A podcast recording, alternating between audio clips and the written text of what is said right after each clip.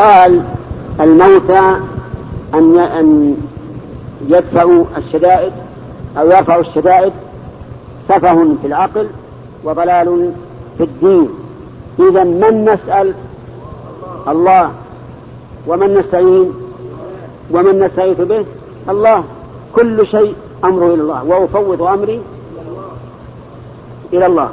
وأنت لو دعوت الله عز وجل بصدق فإنك سوف تحصل على إحدى ثلاث فوائد ولا بد. إذا دعوت الله بصدق فستحصل على ثلاث فوائد ولا بد. إما أن يستجيب الله لك فيعطيك ما دعوت وإما أن يصرف عنك من السوء ما هو أعظم. يمكن هناك سوء قد انعقدت أسبابه بالنسبة لك فيدفعه الله عنك. وإما أن يدخرها لك يوم القيامة. إذا متى سألت الله بصدق فلن تخيب أبدا. هذا مع أن مع أن الدعاء نفسه دعاء الله عبادة. كما قال تعالى وقال ربكم ادعوني أستجب لكم إن الذين يستكبرون عن عبادتي سيدخلون جهنم داخرين. فإذا قال قائل ما واجب أهل القبور نحونا. أهل القبور إخواننا. أهل القبور علماؤنا. أهل القبور عبادنا. فما واجبهم علينا. ما واجبهم علينا؟ واجبهم علينا ما ذكره الله في قوله. للفقراء المهاجرين الذين أخرجوا من ديارهم وأموالهم. يبتغون فضلا من الله ورضوانا وينصرون الله ورسوله. أولئك هم الصادقون. والذين تبوأوا الدار والإيمان من قبلهم يحبون من هاجر إليهم ولا يجدون في صدورهم حاجة مما أوتوا ويؤثرون على أنفسهم ولو كان بهم خصاصة. ومن يوق شح نفسه فأولئك هم المفلحون. قلت الآية الثالثة. والذين جاءوا من بعدهم يقولون ربنا اغفر لنا. ولإخواننا الذين سبقونا بالإيمان ولا تجعل في قلوبنا غلا للذين آمنوا. ربنا إنك رؤوف رحيم. هذا واجبهم نحونا. واجب الأموات علينا أن ندعو الله لهم.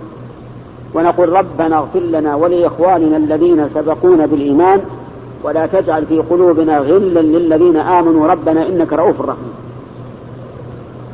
وعلمنا الرسول صلى الله عليه وسلم ماذا نقول إذا زرنا المقابر؟ قال قولوا السلام عليكم دار قوم مؤمنين وإنا إن شاء الله بكم لاحقون. يرحم الله المستقدمين منا ومنكم والمستأخرين. نسأل الله لنا ولكم العافية. هكذا قال الأخ اقرأ علي ما قلت.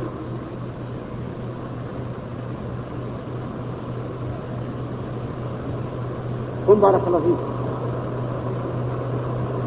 لا هذا الأخ لأنه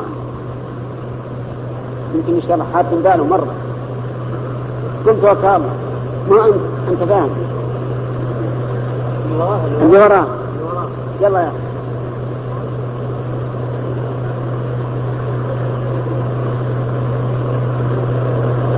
ماذا قلت قل لا أعلم. خلاص. ماذا ماذا قلت؟ من يعرف؟ تفضل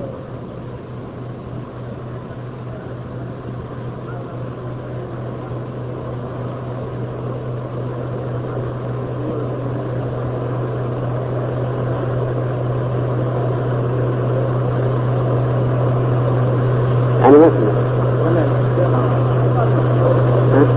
سمعت زين أعد بصوت مرتفع.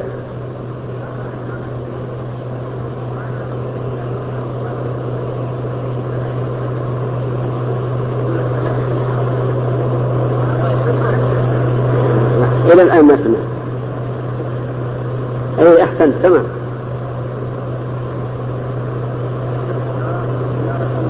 نعم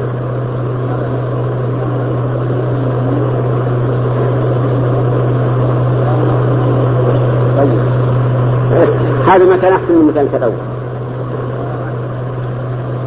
طيب الآن يا أخواني نقول إن الرسول صلى الله عليه وسلم علم أمته ماذا يقولون إذا زاروا القبور. السلام عليكم دار قوم مؤمنين وإنا إن شاء الله بكم لاحقون. يرحم الله المستقدمين منكم والمستأخرين. نسأل الله لنا ولكم العافية. اذا زيارتنا لهم لنفعهم ولا للانتفاع بهم؟ لنفعهم يعني نحن ننفعهم. إذا ذهبنا ودعونا الله لهم هذا نفع لهم. لا لننتفع بهم. صحيح أننا ننتفع بالزيارة من حيث إنها قربة. لا من حيث أن هؤلاء المقبورين سوف ينفعوننا أو يضروننا. لكن من حيث إنها قربة. قال النبي عليه الصلاة والسلام زوروا القبور فإنها تذكركم الآخرة.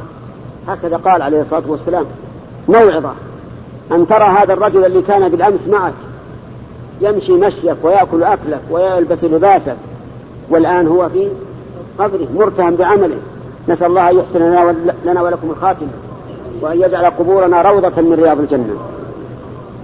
هكذا يا أخوان أما أن ننتفع بهم بمعنى أنهم ينفعوننا أو يضروننا فإنهم لن ينفعوننا ولا يضروننا. إنما الذي ينفعنا ويضرنا هو الله عز وجل. فإذا قال قائل أنا أتخذهم وسيلة. أتخذهم وسيلة. قلنا طيب ماذا تقول حتى نعرف هل هي وسيلة أو غاية؟ نجد بعض الناس يقول يا فلان يا فلان أنقذني. يا فلان أغثني. المرأة تقول يا فلان احبلني إيش معنى احبلني؟ يعني اجعلني احبل يعني أحمل سمعنا أن بعض النساء تأتي إلى بعض القبور أحيانا تتمرغ على القبر وأحيانا تسأل القبر نسأل الله العافية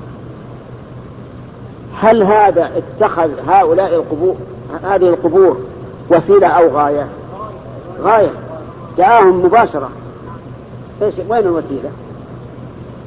ثم إن الوسيلة إن كان هؤلاء من الصالحين فالوسيلة أن تتوسل إلى أن, أن تتوسل بحبهم إلى الله لأن حب الصالحين قربة إلى الله عز وجل.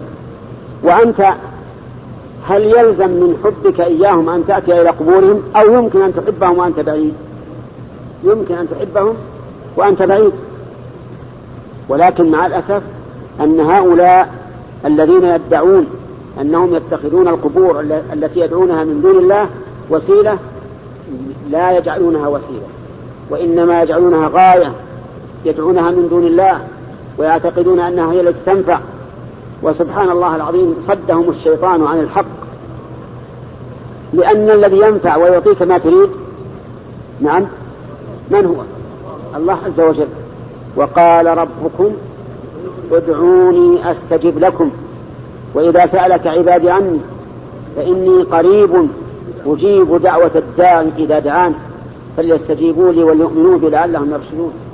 ولهذا أنا أجزم جزما لا شك عندي فيه أن هؤلاء الذين تعلقت قلوبهم بأصحاب القبور قد أعرضت قلوبهم عن الله. لأن القلب لا يمكن أن يكون له اتجاهان. اتجاه واحد. فإذا كان هذا الرجل إذا أصابته الضراء نادى يا فلان يا فلان. فهذا يقتضي ولا بد أن يكون معرضا عن الله. لماذا لا يقول بدل يا فلان يا فلان؟ يا لماذا لا يقول إيش؟ يا الله يا رب يا حي يا قيوم يا ذا الجلال والإكرام. يدعو باسم الله الأعظم. الذي إذا دعي به أجاب وإذا سأل به أعطى إذا سئل به أعطى. اسم الله الأعظم ذكر في القرآن في ثلاثة مواضع. اسم الله الأعظم ذكر في القرآن في ثلاثة مواضع. من من يحصيها لنا؟ لا. من من يحصيها لنا وهو قائم حتى يسمع الناس. في ثلاث مواضع. لا. طيب تفضل. اسم الله الأعظم ذكر في ثلاثة مواضع من القرآن. أول واحدة في قوله تعالى الله لا إله إلا هو القيوم.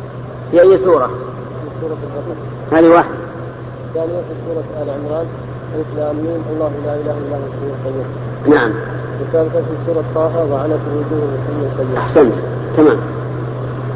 اسم الله الأعظم هو الحي القيوم. الحي القيوم. وهذا ذكر في القرآن في ثلاثة مواضع.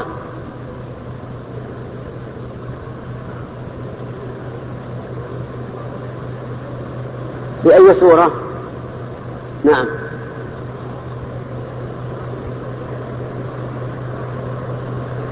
كم بينك؟ واحد اثنين ثلاثة. ما بينك وبين ثلاثة رجال.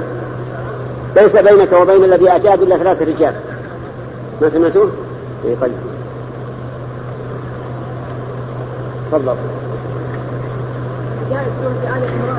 طيب. نعم. والثالث؟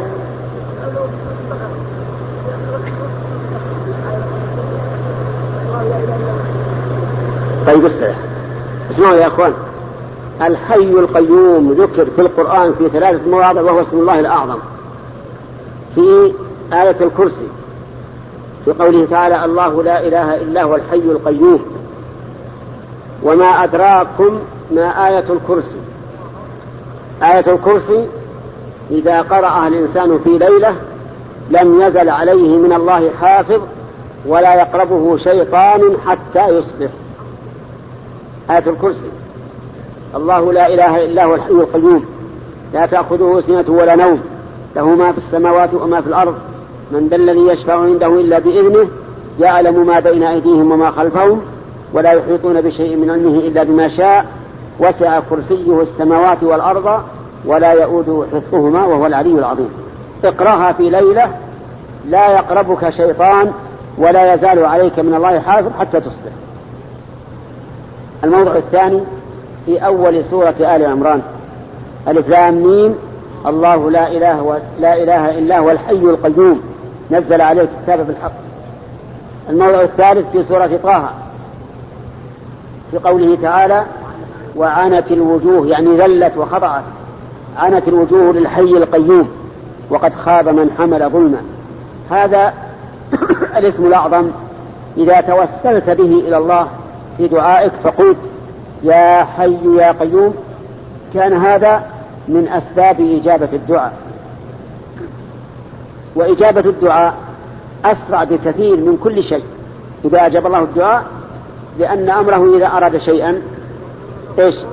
أن يقول له كن فيكون فيكون بدون تأخير ألف للترتيب والتعقيد وبدون تكرار وما أمرنا إلا واحدة كلمح بالبصر سليمان عليه الصلاة والسلام طلب من حوله أن يأتوا بعرش بلقيس من اليمن إلى الشام مسيرة شهر.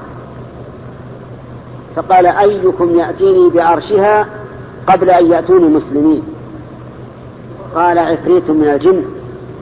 أنا آتيك به قبل أن تقوم من مقامك وإني عليه لقوي أمين. عفريت من الجن. العفريت القوي المارك. أنا آتيك به قبل أن تقوم مقامك منين؟ من اليمن إلى الشام. وإني عليه لقوي أمين. لماذا قال وإني عليه لقوي أمين؟ من أجل أن يشجع سليمان على, قو على أن يقول هاته قال الذي عنده علم من الكتاب أنا آتيك به قبل أن يرتد إليك طرفك أيهما أسرع؟ الثاني ولا الأول؟ الأول إيش قال؟ أنا آتيك به قبل أن تقوم من مقام. والثاني قال أنا آتيك به قبل أن يرتد إليك طرفك أنت انظر بعيد ثم قل هكذا. لحظة. أيهما أسرع؟ الثاني الثاني لأن قال العلماء لأن الذي عنده علم من الكتاب دعا باسم الله الأعظم فحماته الملائكة وجاءت به. قوة الملائكة أقوى من قوة الجن. الجن عندهم قوة يصعدون إلى السماء ويتخذون منها مقاعد للسمع. وأما الملائكة فهم أسرع وأعظم. جبريل عليه الصلاة والسلام عرج بمحمد صلى الله عليه وسلم إلى السماوات السبع. في كم من يوم؟ في ليلة واحدة. ونزل به. وجاء, وجاء إلى مكة في ليلة واحدة. لأن قوة الملائكة ليست ليس مثل قوة من من الجن أقوى من الجن. فجاء به فلما رآه مستقرا عنده قال هذا من فضل ربي ليبلوني أأشكر أم أكفر. الشاهد أن العلماء رحمهم الله قالوا إن هذا الذي عنده علم من الكتاب كان دعا الله بسم الله الأعظم. لا بد أيضا في الدعاء من أن تدعو الله وأنت موقن بالإجابة. لا تدعو الله وأنت في شك. هل يجيب أو لا يجيب؟ ادعو الله وأجزم بالدعاء. ولهذا قال النبي عليه الصلاة والسلام لا يقل أحدكم اللهم اغفر لي إن شئت اللهم ارحمني إن شئت. بعض الناس الآن يقول الله يرحمه إن شاء الله الله يغفر له إن شاء الله. والنبي عليه الصلاة والسلام يقول لا لا تقل اللهم اغفر لي إن شئت اللهم ارحمني إن شئت ولكن فإن الله لا مكره له ولكن أعظم الرغبة وأعزم. في المسألة. قل اللهم اغفر لي. بس. فيستجيب الله لك. لا بد أن توقن بالإجابة من قبل الله عز وجل. بعض الناس يقول بدعو وأجرب. هل يستجاب لي أو لا؟ هذا لا يجوز. ادعو الله وأنت موقن بالإجابة. وسمعت بعض الناس يقول كلمة أنكرها. يقول اللهم إني لا أسألك رد القضاء ولكن أسألك اللطف فيه. هذا خطأ. خطأ. هذا خطأ. كيف تقول لا أسألك رد القضاء؟ لا يرد القضاء إلى الدعاء. ادعو الله. فربما يرتفع عنك ما قضى الله به عليك بسبب دعائك. كما أن بر الوالدين يزيد في العمر. كذلك الدعاء. يرد القضاء. قد يريد قد يقضي الله عز وجل عليك بشيء فإذا دعوت الله رفعه عنك. أليس النبي عليه الصلاة والسلام لما لما تحدث عن خسوف الشمس والقمر ماذا خسوف القمر وخسوف الشمس ماذا قال؟ قال إذا رأيتم ذلك فادعوا الله. مع أن مع أن الكسوف إنذار من الله عز وجل. إذا رأيتم ذلك فادعوا الله ليرفع عنكم حتى ينكشف ما بكم. لا تقل اللهم إني أسأل لا أسألك رد القضاء. قل اللهم إني أسألك أن تمنع عني سوء القضاء. أن تمنع عني سوء القضاء. وأن تدعو الله بما شئت. أما لا أسألك رد القضاء. وإنما أسألك اللطف فيه. معناه عاقبني بما شئت ولا يهمني. هذا غير صحيح. اللي يقول هكذا أخطأ. أولا لأن هذه الصيغة لم ترد. والثاني أن الدعاء قد يرد القضاء لأن الله قد يقضي بالشيء ويدعو الإنسان فيرفع عنه الشيء أو يدفع عنه الشيء. لذلك يجب التنبه لهذه الكلمة الخاطئة وأن يعزم الإنسان المسألة ولا يدعو بمثل هذا الدعاء. إذا يا إخواننا اللجوء إلى من عند الشدائد؟ إلى الله. هذا أهم شيء. فالذي يلجأ عند الشدائد إلى فلان وفلان أو إلى ملك أو إلى أي أحد سوى الله ليس له صيام ولا صلاة ولا حج ولا صدقة ولا ينفعه شيء من الأعمال الصالحة. لماذا؟ لأنه مشرك بالله عز وجل. فإن من دعا غير الله فقد أشرك بالله. وقال ربكم ادعوني أستجب لكم إن الذين يستكبرون عن عبادتي سيدخلون جهنم داخرين. فجعل الله الدعاء إيش؟ عبادة. والعبادة لا تصرف لغير الله ويا أخي ما الذي يضرك إذا قلت يا رب بدلا من أن تقول يا فلان؟ وش يضرك؟ هل يضرك شيئا؟ أبدا. بل إنك إذا قلت يا فلان وعلقت قلبك بفلان أعرضت عن الله عز وجل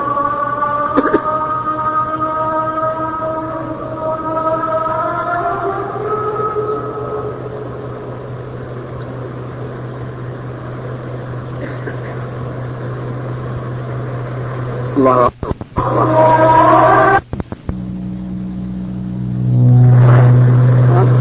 الصلاة بعد المشايخ يكمل بعد الصلاة بعد العشاء. لا هنا في المكان الصلاة إن شاء الله سيكون بقية الدرس والإجابة على الأسئلة. الآن يتسلم بين الأذان والإقامة.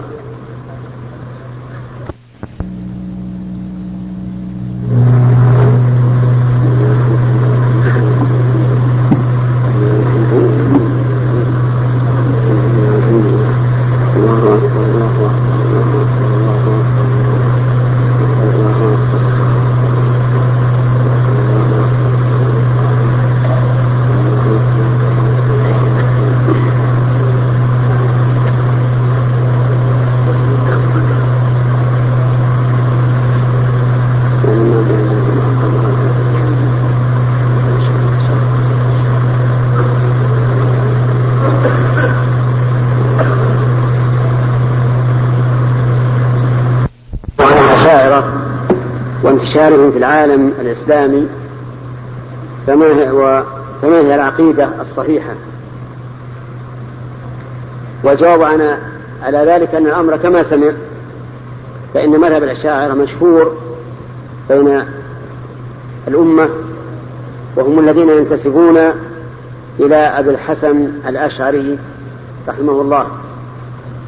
وكان أبو الحسن الأشعري على ثلاث مراحل. في حياته. المرحلة الأولى مرحلة الاعتزال. فقد كان معتزليا ينتمي إلى المعتزلة حتى بلغ أربعين سنة. ثم اتصل بعبد الله بن سعيد بن كلاب فانتفع باتصاله به وعدل عن مذهب المعتزلة وبين بطلانه. وصار رحمه الله يعلن ذلك على الملأ. ثم ارتقى إلى المرحلة الأخيرة التي كانت ثمرة لبحثه وطلبه الحق وهي أنه كان على مذهب إمام أهل السنة أحمد بن حنبل رحمه الله.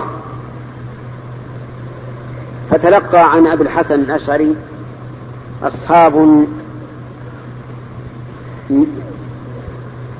من أصحابه في المرحلة الوسطى من مراحل انتقالاته وانتشر المذهب من هذه المرحلة الوسطى. وأما المذهب الذي كان أخيرا لأبي الحسن رحمه الله فهو مذهب أهل السنة والجماعة ومذهب أهل السنة والجماعة. في باب أسماء الله وصفاته أنهم يثبتون لله كل ما أثبته لنفسه من غير تحريف ولا تعطيل ولا تكييف ولا تمثيل. فمثلا يقولون إن الله استوى على العرش استواء حقيقيا والاستواء يعني العلو لكنه علو يليق بجلاله وعظمته.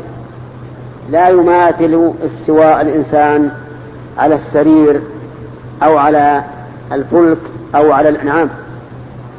ويقولون إن الله, إن الله سبحانه وتعالى له وجه. وجه موصوف بالجلال والإكرام. كما قال تعالى ويبقى وجه ربك ذو الجلال والإكرام. ولكنه وجه لا يماثل أحدا من المخلوقين. لأن الله يقول ليس كمثله شيء وهو السميع البصير. وعلى هذا الأصل الأساس بنى أهل السنة مذهبهم فيما يتعلق بأسماء الله وصفاته أي أنهم يثبتون لله ما أثبته لنفسه وما أثبته له رسوله صلى الله عليه وسلم من غير تحريف ولا تعطيل ولا تكليف ولا تمثيل. كذلك أيضا أهل السنة والجماعة بالنسبة للقدر يؤمنون بأن الله سبحانه وتعالى كتب مقاد علم كل شيء سيكون وكتب مقادير ذلك في اللوح المحفوظ. وأن كل شيء يحدث فهو بمشيئته تبارك وتعالى وأن كل موجود فهو مخلوق لله عز وجل ومع ذلك يثبتون لله للعبد إرادة وقدرة واختيارا كما هو الواقع المحسوس. نعم.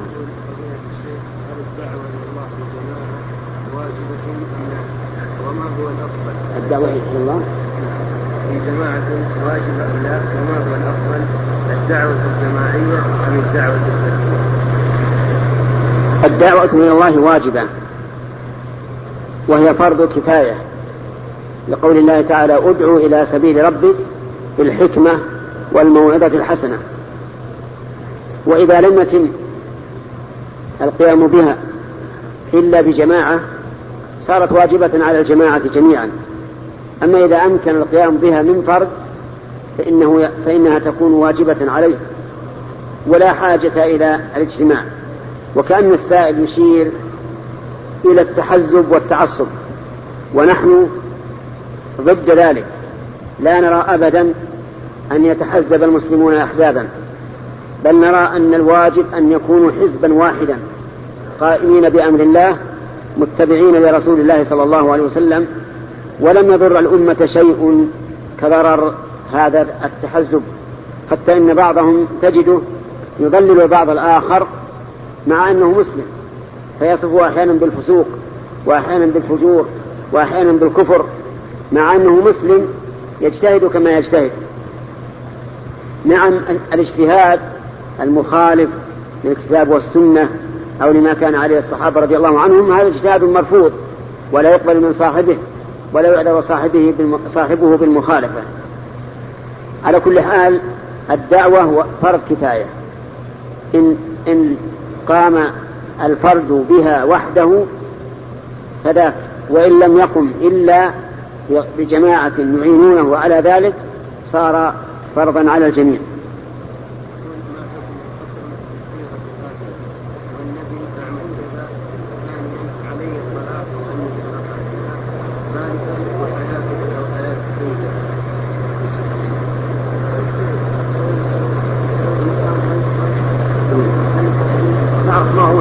نعم ما في ميكروفون اسأل هنا في ميكروفون يقول السائل ما حكم القسم بالصيغة الآتية؟ والنبي أعمل كذا وكذا. ثانيا علي الطلاق إن لم أفعل كذا. ثالثا وحياتك أو حياة السيدة فلانة. وجزاكم الله خير. الخبز أو اللحم نافع بطريق الحس. وقد نعرف أن الشيء نافع أو فيه الشفاء بطريق الشرع. كما قال الله تعالى في النحل يخرج من بطونها شراب مختلف ألوانه فيه شفاء للناس.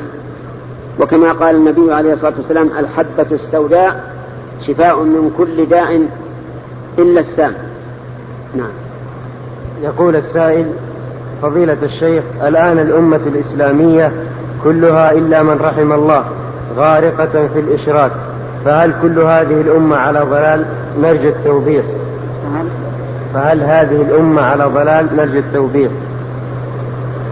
الأمة الإسلامية لا يمكن أن تكون جميعها على ضلال بل لا بد أن يكون فيها أمة قائمة بأمر الله. كما قال ذلك النبي صلى الله عليه وسلم لا تزال طائفة من أمتي على الحق ظاهرين لا يضرهم من خذلهم ولا من خالفهم حتى يأتي أمر الله. فلا يمكن أن تخلو الأمة الإسلامية من طائفة منصورة على الحق أما أن تكون الأمة كلها على حسب ما جاء النبي عليه الصلاة والسلام فإن هذا خلاف الواقع. بل قد قال النبي عليه الصلاة والسلام ستفترق هذه الأمة على ثلاث وسبعين فرقة كلها في النار إلا واحدة. قالوا من هي يا رسول الله؟ قال على قال من كان على مثل ما أنا عليه وأصحابي. يسأل عن حكم من يستغيث بالقبور ويطوف بها جهلا. هل يعذر أم لا؟ نعم. الذي يستغيث بالقبور بمعنى أنه إذا أصابته الشدة استغاث بصاحب القبر مشرك شركا أكبر والعياذ بالله. ولكن قد لا نحكم بالشرك على هذا الشخص المعين لأنه لا بد من الحكم بالشرك على شخص معين من شروط منها أن أن تبلغه الحجة. فقد يكون هذا الذي يستغيث بالقبور قد يكون جاهلا لا يدري عن شيء أبدا. يرى الناس فيفعل مثل ما مثل ما يفعل الناس. وقد يكون عنده علماء ضلال يضلونه عن سبيل الله ويقول استغث بالقبر الفلاني بالقبر الفلاني حتى يستجاب لك.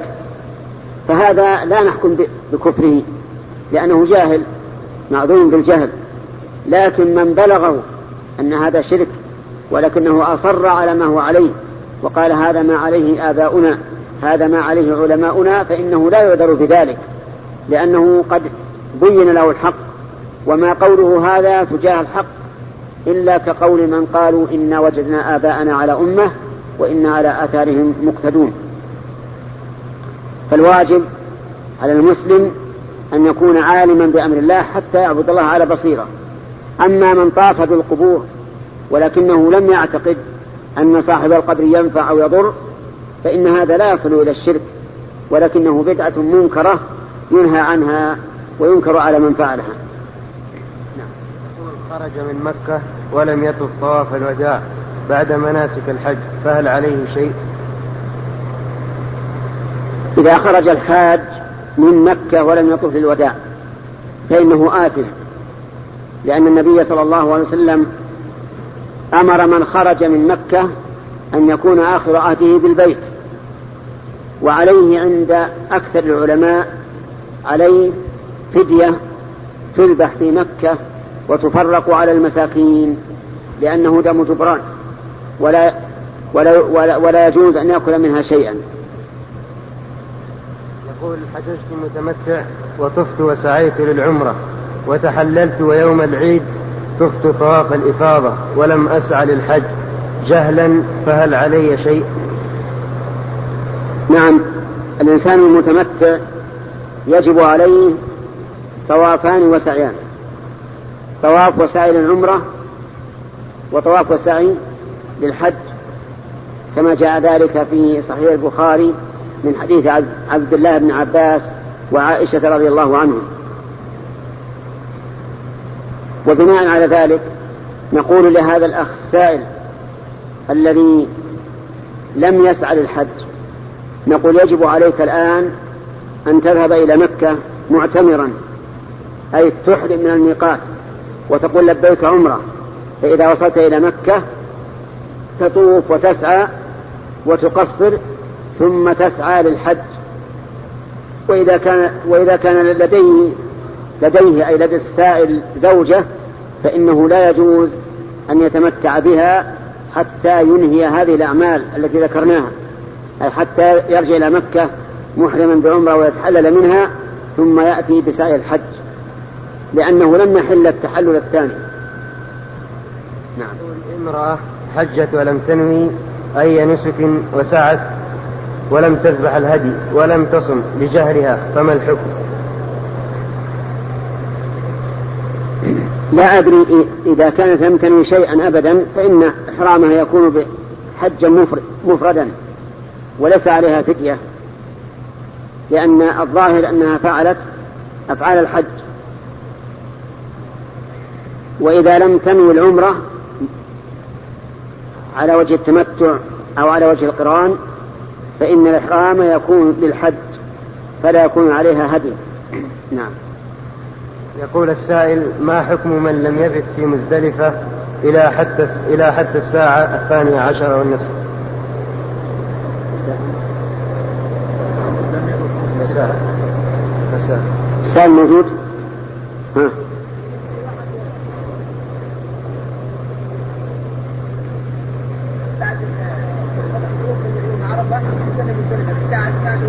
من الليل أقول أقول 12 ونص من الليل. نعم.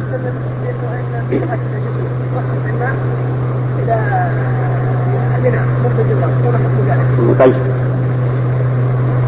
هذا يسأل يقول نحن لم نصل مزدلفة إلا الساعة الثانية عشر ليلا.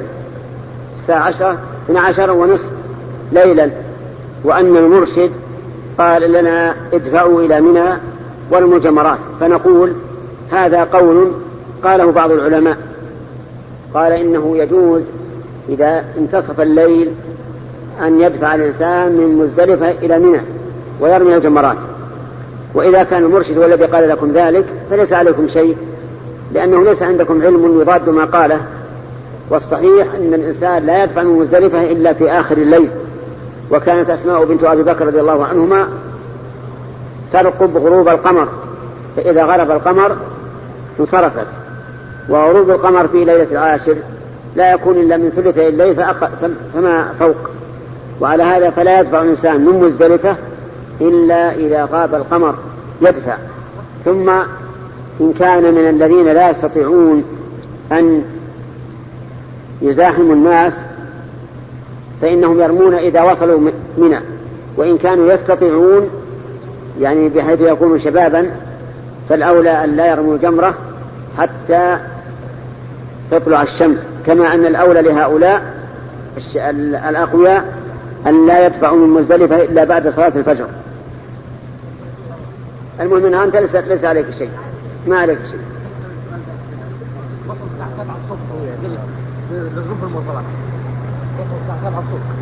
أما الذين وصلوا إلى مزدلفة بعد يعني بعد صلاة الفجر فهؤلاء عليهم فدية.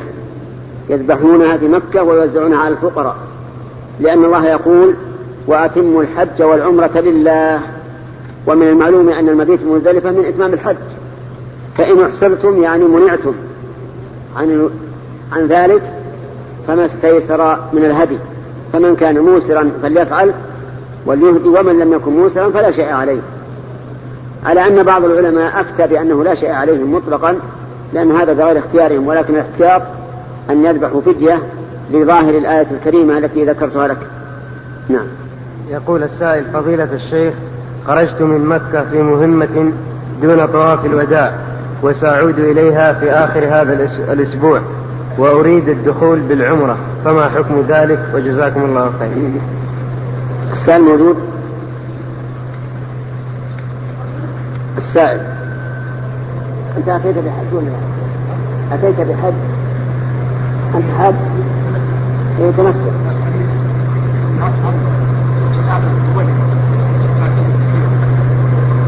بعدما أنهيت الحج بعدما أنهيت الحج رجعت إلى المدينة.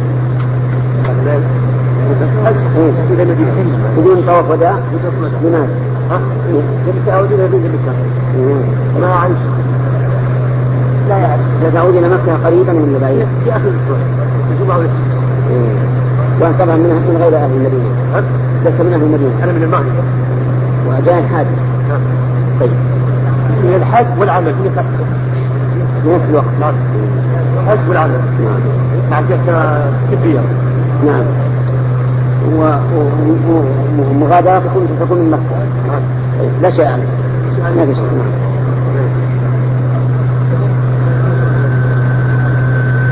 السؤال جديد جديد يقول فضيلة الشيخ ما حكم استعمال آيات القرآن في الحوادث التي تقع للإنسان ويطبقها عليها؟ كأن تقع للإنسان ويقول أليس الصبح بقريب؟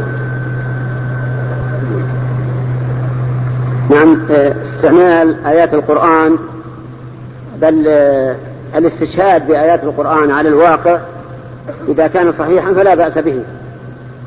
مثل لو انشغل الإنسان بأولاده وأمواله عن شيء واجب وقال صدق الله إنما أموالكم وأولادكم فتنة فهذا لا بأس به.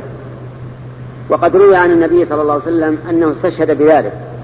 وأما إذا كان يريد أن يطبق الآيات على الواقعات اليومية في معنى لا يناسب فإن ذلك لا يجوز. لأن تطبيق القرآن على غير ما أراده الله من باب تحريف الكلم عن مواضعه. يقول لي قطعة أرض زراعية وهذه الأرض نقوم بري بريها بمواطير فكيف, تكو فكيف تكون الزكاة فيها؟ الزكاة في الأرض الزراعية إذا كانت تسقى بالمواطير نصف العشر لأن النبي صلى الله عليه وسلم جعل في الثمار التي تسقى بالسماء أو تشرب بعروقها جعل فيها العشر كاملا وجعل فيما يسقى بالنضح نصف العشر. والذي يسقى بالمواطير يسقى بالنضح ففيه نصف العشر. فإذا قدرنا أن زرعه صار ألف كيلو كم يلزمه؟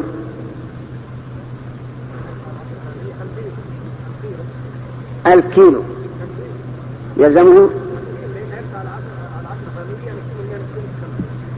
خمسين كيلو. وإذا كان يسقى بلا مؤونة أو يشرب بعروقه ففيه مئة. نعم. يقول السلام عليكم ورحمة الله وبركاته. تأخرت نعم. امرأة تقول تأخرت العادة الشهرية فأخذت حقن لإنزالها لإزالتها فلم تزل وبالتحليل اتضح أن أنه حمل ومن مضاعفات هذا الحقن, أنها تشوه الجنين وفي نفس الوقت أصبت, أصبت بالحصبة الألمانية وهذه أيضا تصيب الجنين بالصمم أو التخلف العقلي والآن عمر الجنين شهران. أولا هل يجوز إسقاطه بعملية جراحية؟ ثانيا هل كان من الجائز إسقاطه قبل الأربعين؟ كما يقول بعض العلماء. إسقاط الجنين إذا لم تنفخ فيه الروح. جائز إذا دعت الضرورة إليه. مثل أن يقول الأطباء إن الجنين مشوه فإنه يجوز إسقاطه إذا كان قبل أن تنفخ فيه الروح. ومتى تنفخ فيه الروح؟ تنفخ فيه إذا تم له أربعة أشهر. لحديث ابن مسعود رضي الله عنه قال حدثنا رسول الله صلى الله عليه وسلم وهو الصادق المصدوق فقال إن أحدكم يجمع خلقه في بطن أمه أربعين يوما نطفة ثم يكون علقة مثل ذلك ثم يكون مضغة مثل ذلك ثم يرسل إليه الملك فيؤمر بأربع فينفخ فيه الروح ويؤمر بأربع كلمات بكتب رزقه وأجله وعمله وشقي أو سعيد. أما إذا كان بعد تمام أربعة أشهر أي بعد نفخ الروح فيه فإنه لا يجوز إسقاطه بحال من الأحوال. حتى لو قال الأطباء إنه إذا بقي هلكت أمه فإنه لا يجوز إسقاطه لأنه لا يجوز قتل نفس لإحياء نفس أخرى. نعم. يقول السائل متى يصوم المتمتع الثلاثة الأيام إن عجز عن الدم؟ يصوم المتمتع ثلاثة الأيام إذا عجز عن الدم من إحرامه بالعمرة إلى آخر أيام التشريق. لقول الله تعالى فمن لم يجد فصيام ثلاثة أيام في الحج وسبعة إذا رجعتم والعمرة من الحج. لقول النبي صلى الله عليه وسلم دخلت العمرة في الحج. وقوله صلى الله عليه وسلم العمرة حج أصغر. أو قال الحج الأصغر. وآخر آخر الصيام الأيام الثلاثة التي بعد العيد. لقول ابن عمر وعائشة رضي الله عنهما لم يرخص في أيام التشريق أن يصمن إلا لمن لم يجد الهدي. أما السبع الباقية فيصومها إذا رجع إلى أهله. يقول السائل فضيلة الشيخ ما حكم من طاف طواف طواف الوداع وتأخر عن السفر لظروف خارجة عن إرادته وصلى أربع أوقات. إذا طاف طواف الوداع بعد انتهاء أعمال النسك ثم تأخر لظروف قاهرة كانتظار الرفقة أو خراب السيارة أو ما أشبه ذلك فإنه لا يلزمه إعادة الطواف. لا يلزمه إعادة الطواف ويكفيه الطواف الأول لأنه يصدق عليه أنه جعل آخر عهده بالبيت لكن تأخر بدون إرادة. نعم.